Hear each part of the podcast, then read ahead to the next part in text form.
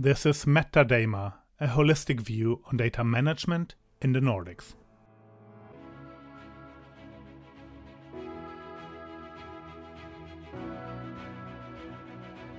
Welcome.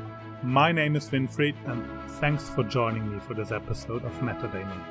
Our vision is to promote data management as a profession in the Nordics, show the competencies that we have, and that is the reason I invite Nordic experts in data and information management for a talk.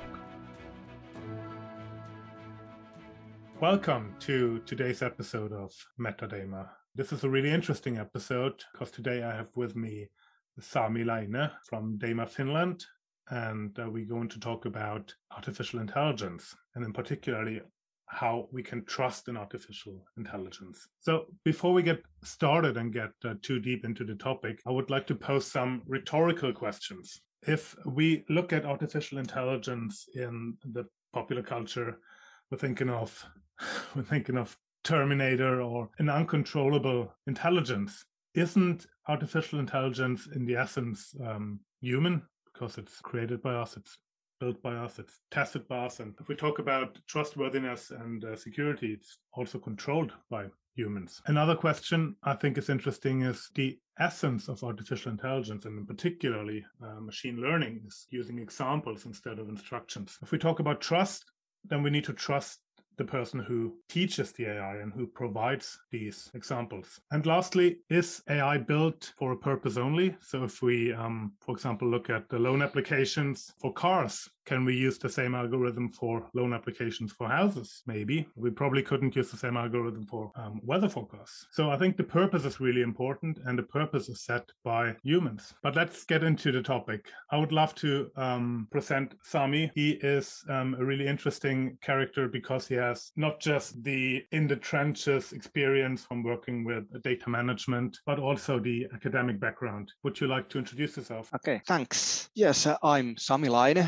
and uh, currently I work as a competence lead in a Finnish consulting company called Siili Solutions. And there I have been involved mainly in data management in human uh, human data, uh, human data entry processes and stuff like that. So data quality management, master data management, data governance, uh, analytics, based on human data. Like Winfried mentioned, uh, I have a background. Uh, I came to Siili from uh, university, uh, Aalto University. Uh, it's a technical university in Helsinki, uh, also in Finland. And I were doing my dissertation about data quality in healthcare.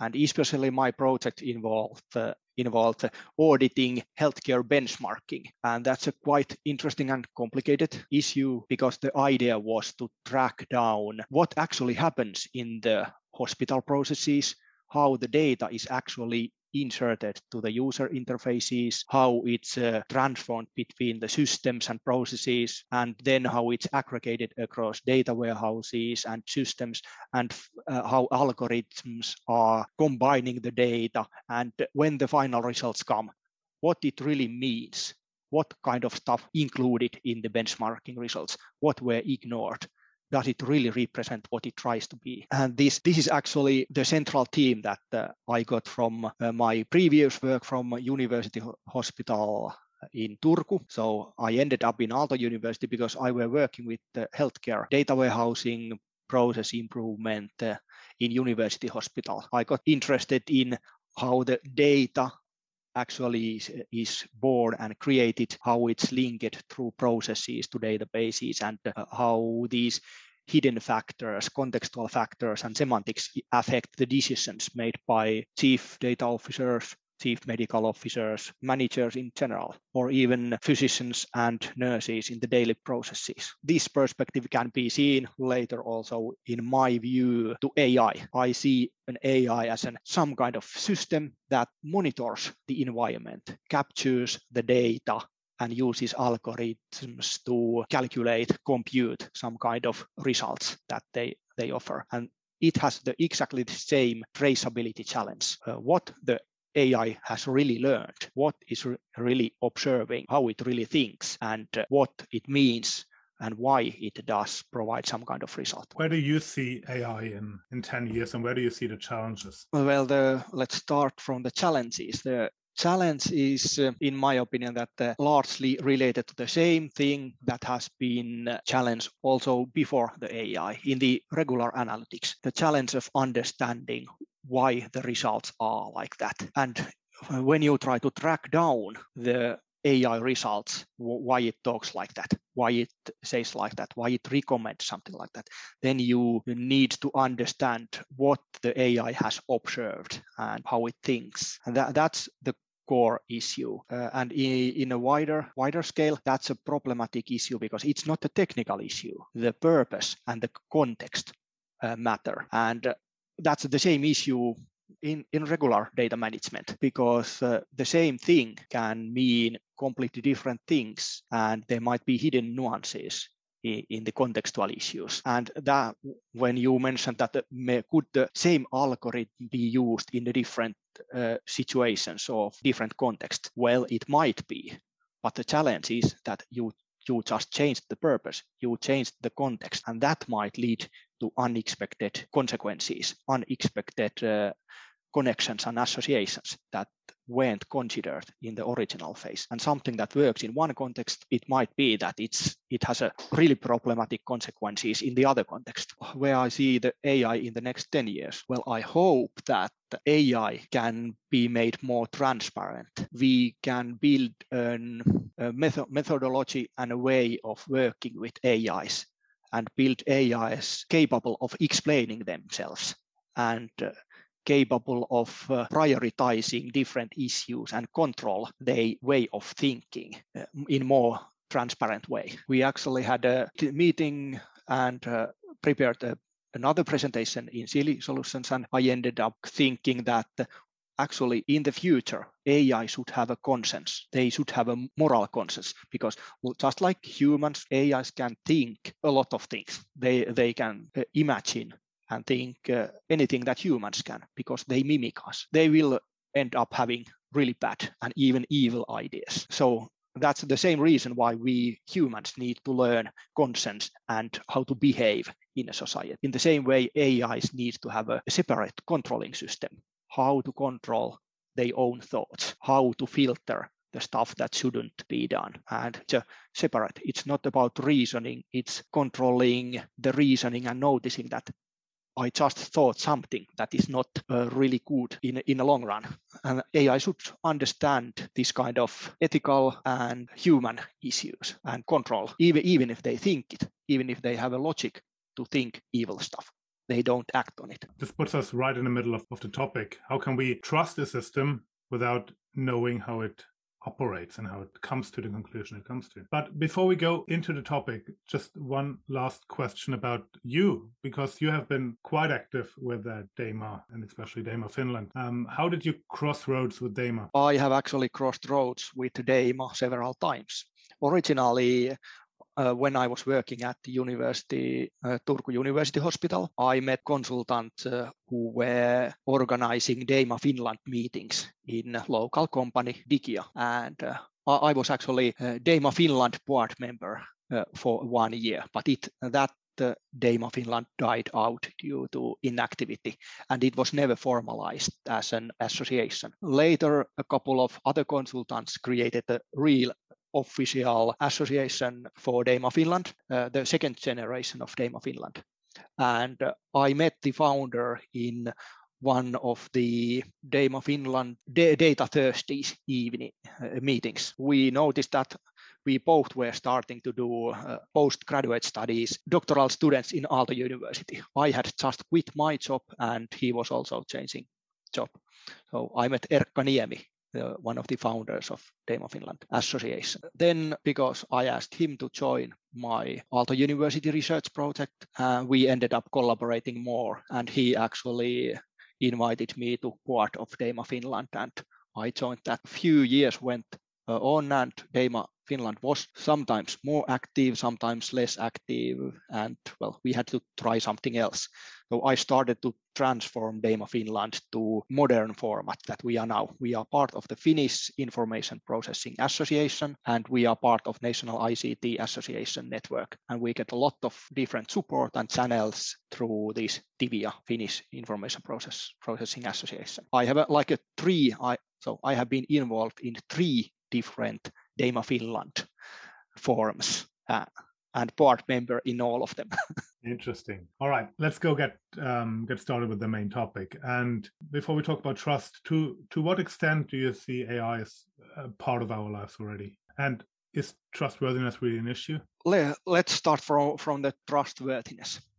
So in general, of course, AI is already everywhere. We are using stuff like uh, Google search we are using uh, many uh, digital services or we are part of processes that use digital services like the loan applications and stuff like that. So AI is already everywhere and it's built into the embedded smart devices, televi- television, smart TVs, and so on. Uh, but what's the trust and trustworthiness has to do with, with it? Well, the trustworthiness is one of the most common frameworks and keywords that AI frameworks have been built on. And the reason is that many think that trustworthiness is the foundation of the society and human life. If you don't trust something, well, that leads to big problems. You start to doubt things. You cannot act. In the, in the long run, person who don't trust other persons, they get uh, lonely and frustrated. And if uh, organizations don't trust others or themselves, they try probably try to create some kind of controlling organization, but uh, they still don't trust it. It overwhelms uh, the whole society and the organizational culture. Trust is something that you need, but the challenge is that trust is so complicated. That's why I didn't originally like the word trust or the because how do you measure trust? And is there a scale for trust? There, there is no such scale like uh, how many meters or kilograms of trust you have. You cannot measure it uh, explicitly and easily. But at the, at the same time, it's a really useful concept because you can use it as an approach, as a universal approach in a way. And I try to explain it from practical point of view. The idea is that if people trust something, they can collaborate and cooperate and you get the shared value. And same for the organization. But in a different context, organizations and people trust different things. Sometimes you think more about consequences. If I'm going to do this, what is going to happen? You hope that something good will happen, uh, especially related to your objectives. But sometimes the consequences are hard to measure or you don't want to prioritize consequences in at all costs. Sometimes you need to trust that context and the actors and the tools that you are uh, using, they are trustworthy, Re- they are reliable. Therefore, you need to trust the actors. And sometimes the, this kind of thinking goes also problems because not everything is black and white and uh, part of this kind of rights and responsibilities thinking. Sometimes you want to have a higher goals, the virtues and objectives and intentions. And sometimes you, you want to, for example, put more emphasis not on the measurable consequences or not to the reliability of following rules, but you want to something extra like uh, promote privacy, sustainability, or some other kind of value, generosity, happiness. And these are also these are also virtues that, that have no scale or easy easy measurement. So when people trust an artificial intelligence, sometimes like in, in the case of search engines, sometimes they prefer consequences. Google is really good providing the best and most accurate decisions. Some people choose Google but at the same time, some, some people don't really want to help Google ecosystem and they want to have more privacy. They want to prefer these ethical virtues. No, I don't sell myself to the better consequences or better accuracy. I, I want to have my privacy. They choose DuckDuckGo, start page or something, some other. So trust can be used in this kind of way to think uh, why people and organizations choose, choose something. And when you build trust, you need to think that what kind of uh, issues you need to build to your AI system to make organizations and people trust it. Sometimes you need to make the consequences better and more explainable so that they trust that good things will happen. Sometimes you need to explain them more about actors and activities that you are doing, that we are reliable, we have certificates, we follow the, these laws. And here's the, here's the laws and policies that we are following. And sometimes not just following the laws is enough. Sometimes you want to show that we have actually much higher goals. We respect your privacy above the law, laws we appreciate your thoughts and your autonomy more than the laws require us to do.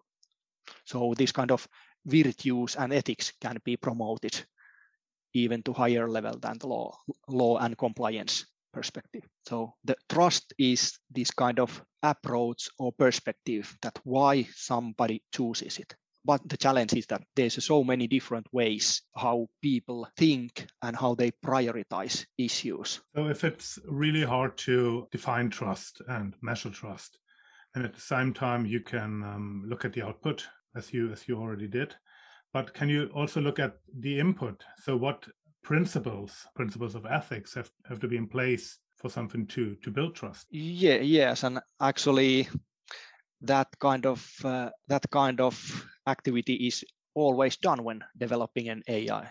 Just like you mentioned that AI is human built. So, but sometimes you uh, sometimes the developers or the AI operators they don't do these selections uh, in informed and explicit way. They they just do something, and the, these principles and uh, ethical rules get embedded into the system without really acknowledging what they are building. It's like a, in data management architecture development. So sometimes you develop your software or business architecture consciously with systematic practices and you make informed decisions and you aim for specific architecture. But sometimes architecture just happens and you end up into a fragmented architecture. And it's, it's the same way in the AI and ethics. There is probably a lot of hidden principles, hidden issues that are embedded because they come from the uh, data that is trained to the AI. They come from the way how organizations organize their processes and what they use them for. The same algorithm can be used for questionable goals and more ethical goals. The level of trust you can expect and how that manifests, that's also really um, dependent on how you define artificial intelligence. I think there are many different definitions out there that are not really coherent. What definition are you using? Uh, I use quite similar definition like the World Economic Forum and European Union, so that the AI is some sort of uh, algorithmic uh, system.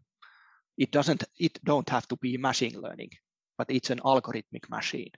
And uh, it also observes the environment and uh, it outputs some kind of results. What I usually think as part of the AI, it's I am argumenting or planning to develop an AI solution. I want to always include the not only the decision that the AI does, but what is the action that is done after the decision? Because it's typically the challenge in our data management uh, projects and perspectives that we are getting a lot of data we are trying to build all kind of visualization and reports and figures but what it is used for? Does anybody really read our reports? Or does anybody really do something with the ai solution? So when you think about AI, you should always think also the action that this AI system does or what it impacts because then you can have the full loop and you get involved into the purpose. What is the purpose of this AI decision? So that's why you need to think also the activity that the system does. because it's related to the purpose of the whole system. That was one of the questions we had uh, in the introduction.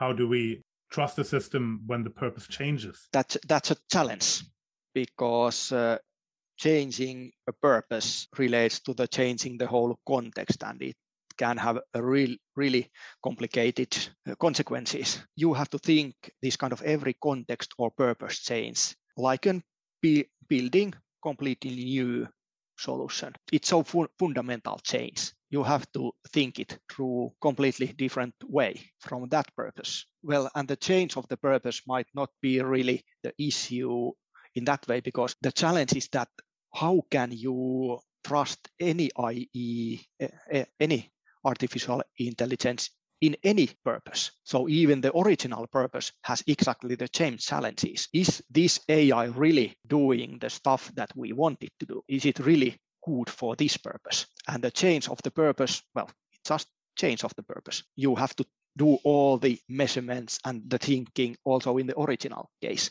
I would say that change is not the issue, it's the purpose itself that must be always thought as an own way from own perspective for that purpose. Really interesting. You already talked about the World Economics Forum and the European Union. The European Union has set some principles of ethics and um, the OECD has also done that. So there are different uh, different sets of principles out there. Um, one of the most commonly known ones is probably the um, principles from the Rome Call reliability and accountability, responsibility, inclusion, security and privacy, transparency, impartiality. Well, when we started our company artificial intelligence auditing and governance project with the Finnish universities and some of the other, other companies, well, I ended up studying more about this, uh, what's really going on in AI ethics. And well, I got exactly in this similar problem that, well, there's a Rome call for ethical AI, different principles. There's European Union, and every big company company seems to have own principles. The Gartner, Deloitte, what, whatever, every single company is developing, and the different, uh, like a World Economic Forum is building something. Well, all kind of non-profit organizations are developing. And they have slightly different definitions. Sometimes transparency might be a subcategory of a one uh, one category. Sometimes it on the top of the list and so on. So how, how to make sense sense of this? So and that's uh, why i ended up into the trust and trustworthiness issue because thought that if i want to make sense that what everybody in the world is trying to develop and build and think as an ethical AI, I need to go a step higher. I started to think uh, the philosophical schools of Western philo- well philosophy, the normative philosophy. There is a consequentialist school of thought. There is a virtue ethics. There is the ontological uh, school of thought.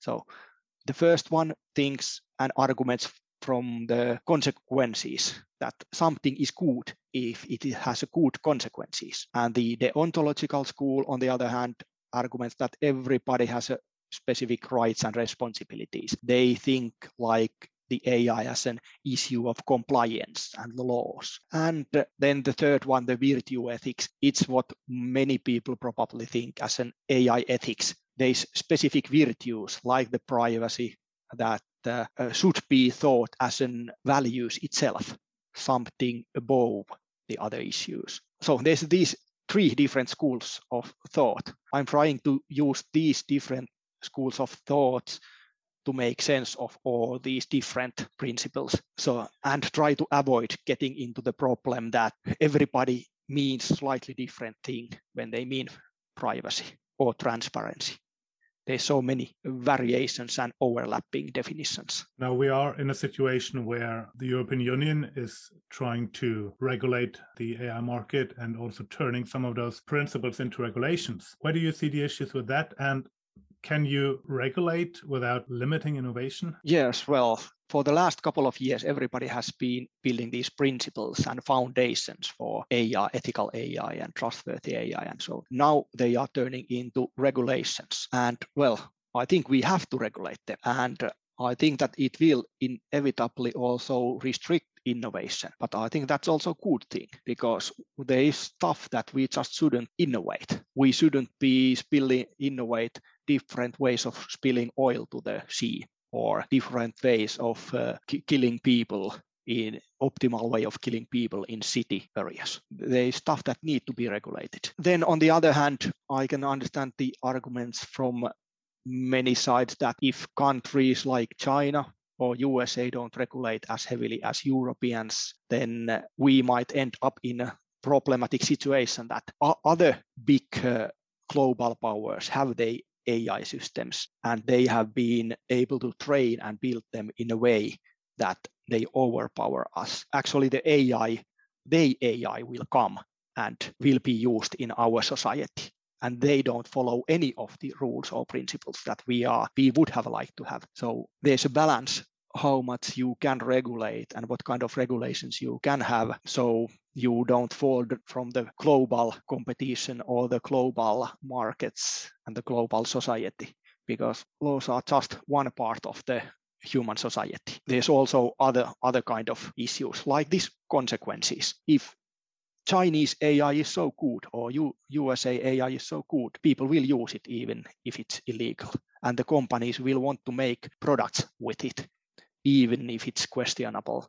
And they try to may turn the laws also in a way that they don't have to break the laws, but they can use them also in the Europe. And I think this pretty much describes the current situation in digital world. We Europeans are using American search engines, American social media stuff, American personalization engines and so on. The ethical rules from USA are ruling our everyday work, even if we try to control it with GDPR. It's the same is going to happen in the uh, ethical AI and the AI in general. We will have a European regulations for AI, but what's the real impact of that regulation? I think it's it's going to follow the road of the GDPR. Do you think GDPR ruling can be used as an example here for an AI ruling because I think that GDPR tries to to secure or reinforce privacy on principle but AI regulation that goes against one technology. I think it has the similar characteristics that privacy is also one kind of framework of thought and regulations are a method that uh, nations and societies try to control what can be done and in what kind of situations. And AI is one method, uh, one kind of method to do stuff. And the whole GDPR actually starts from the purpose. If you want to use data for something, you need to define the purpose. And there's the link to the AI. AI has a purpose and the data has a purpose. Data processing has a purpose. They are linked and they have many similar issues that uh, will need to be solved also in the AI. How to inform about the use of AI, just like in the data.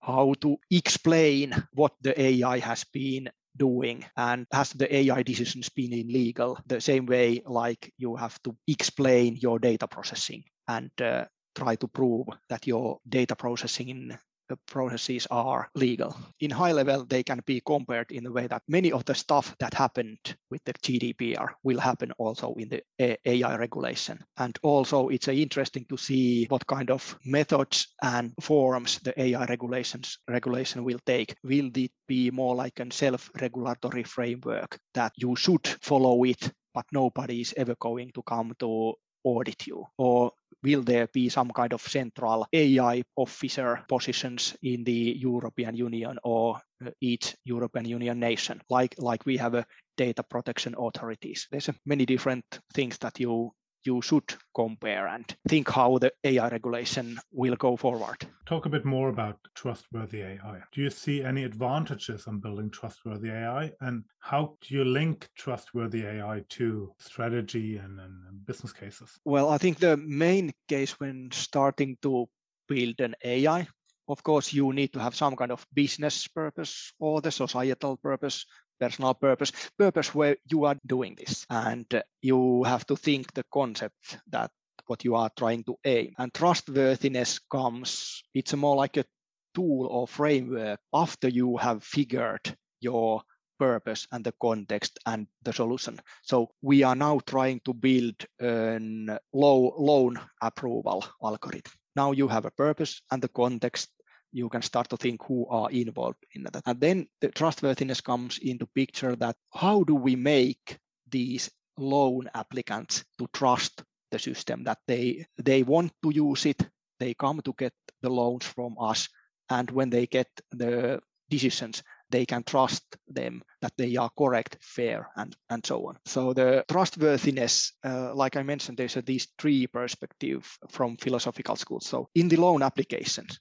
somehow you should provide information what are the consequences of this loan application. Of course there's consequences like the price for you how much it costs but maybe you should also tell some some consequences what happens if you get it how good car you can afford. Well we can't give you a loan for a ferrari but we could give you an audi. And then also the company who wants to put an algorithm in charge of giving loans they probably want to know the consequences that how well this algorithm can actually guarantee our business marginals or how good it is at avoiding risk of the defaults or problematic applicants. You need to build many kind of consequentialist indicators to build the trust and that's a contextual issue for every ai purpose and every context you might need a different kind of indicators but the main thing is that no matter what, you want to make sure when the AI is used, when it gives decisions, the good things will happen. And you need to hopefully measure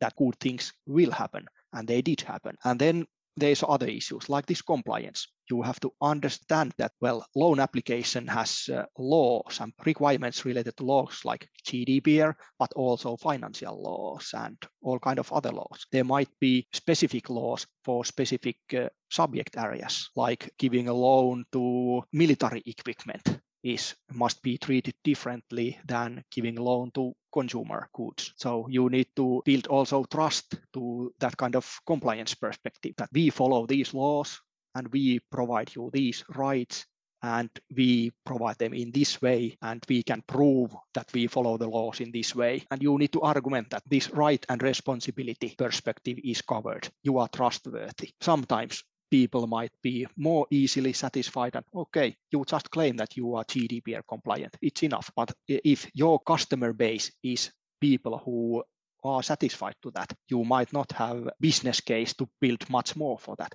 But if your customer case is really uh, strict on privacy, really strict on legal issues, like in the healthcare sector, you might want to put extra effort to this kind of compliance investments. Our AI follows these laws and in much more detail and measurable and controlled way. You have a certifications and um, measurements that nothing illegal happens. And then, of course, sometimes you need to have these ethical virtues that in the competition in the markets, you want that your loan application process and your loans are selected because you are promoting ethical values. You are giving some of your profit to developing countries. You are giving especially discounts to low wealth women, and you are especially giving loans to people who have uh, succeeded in some kind of life change situations. And you, you build your brand on being something that is better than law, the laws.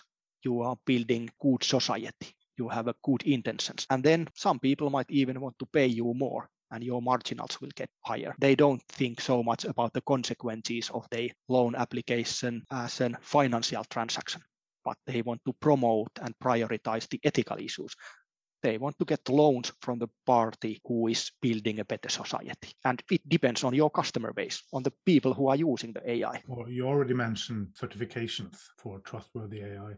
Do you think that is the way to go also for European market? I hope so. I hope the AI and in practice also data management, we would have more systematic way of uh, making sure that the stuff are made correctly. They work like they should. Not, not everybody likes this kind of uh, compliance or certificate based of activities. But for example, in industry sectors like health, like healthcare and financial sector, they are considered really strictly regulated industry sectors and many don't like to work in them because it's so hard to innovate and the processes are so processes are so much more complicated because you have to get medical device certificates and you have to have electronic patient records verifications from from national uh, authorities and so on. It brings bureaucracy it brings brings in more administration. But on the other hand i hope that because AI is so important and powerful that it should be regulated and we should have more certificates related to it. And not only the technology certificates like Azure Data Scientist. You you can configure Azure components to do stuff, but you you should actually have uh, certificates to ethical business, ethical thinking, and ethical society. That kind of things. And uh, I know that there is certificates coming like that. For example, the Open Data Institute in UK, a non-profit organization uh, founded by Tim Berners-Lee, they have just launched a certificate for data ethics professionals, and uh, it's it's a different perspective because it's not a technology certificate like Azure Data Scientist, but it's not either privacy certificate like certified privacy uh, professional. It's a data, data ethics, and I think we need that kind of. I don't know what kind of certificates and how they will be positioned in the market but we need some kind of data ethics, AI ethics certificates, and also probably some kind of like we have a fair fair trade or green certification systems for products. We probably need to have some kind of extra certification systems for digital services, for AI services, even if law don't require you you to have a fair trade mark. You can have a fair trade mark and people will pay more for it. And I hope that we will get an, like a trustworthy AI mark that you can get for your AI system. People can trust it more because that guarantees that you have put more emphasis on following the laws and you have measured and you guarantee that the consequences are good and measurable. And also that mark itself tells that you are the, the one participant who is trying to build a better society. You are not going with low price competition with minimal law compliance. Thank you so much for a really interesting and I would say thought provoking talk. As a last question, and this goes back to um, data management as a profession, where do you see our role as uh, data management professionals in building trustworthy AI? From DAMA definitions, data management professional can be anyone who is involved in managing and developing and operating da- data. So it can be chief data officers, master data project managers, even data engineers and data scientists. So the scope of the professional areas is really wide. Different roles, they have a slightly different uh, roles, of course, in the data management. But what is really needed is that we try to understand and expand uh, our roles even if we are focusing on some special categories, like somebody might be master data expert, but at the same time, you need to understand how this master data expertise is linked to a bigger picture. Everybody should get more expertise and understanding on general business development and these societal issues. And everybody needs some baseline understanding of data ethics, security, integrations, and so on. Because the challenge is that uh, even if you if you are really good in one specific topic area, and even if you have a team full with experts in each category, if they don't understand enough from other, other expertise areas, they are not really able to communicate and they don't notice the connections between the stuff. Everybody lives in their own own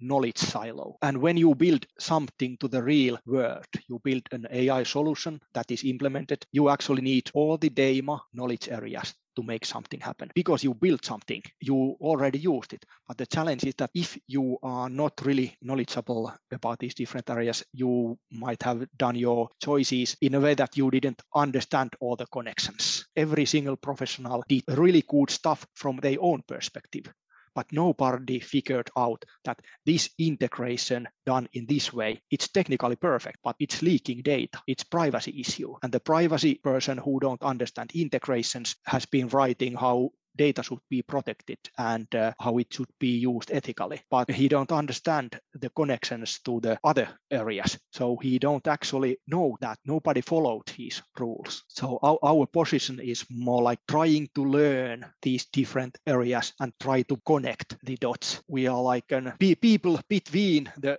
business world and between the technological artifacts and we are researchers and developers who connect the dots and try to understand the associations between the system modules and system issues. So this really affect anyone working in data management, no matter what um, knowledge area you're working with you always have to have yes. one thought toward ethical trustworthy principles yes and that's uh, really important for us data management professional but also for other business developers and users that you can't really outsource your ethics you can't outsource uh, this kind of purpose. Uh, you you need to understand the purpose, and no matter what you are doing, you are doing it from some purpose with some perspectives, and there there is different philosophical ethics and cultural practices embedded and hopefully you are aware of them so when something happens you notice that this was not wanted uh, consequence and because ai itself it's trained uh, by humans it will only imitate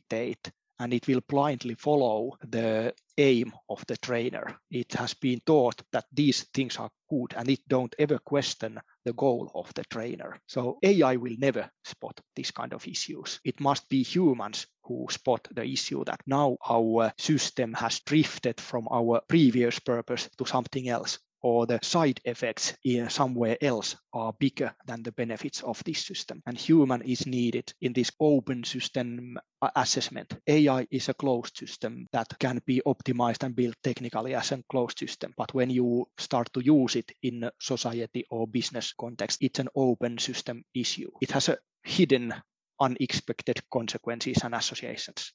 And that's where we humans are needed. I think if there's one one thing to take away from this talk, I think um, you cannot outsource ethics is a good point. Thank you for the talk. Thanks.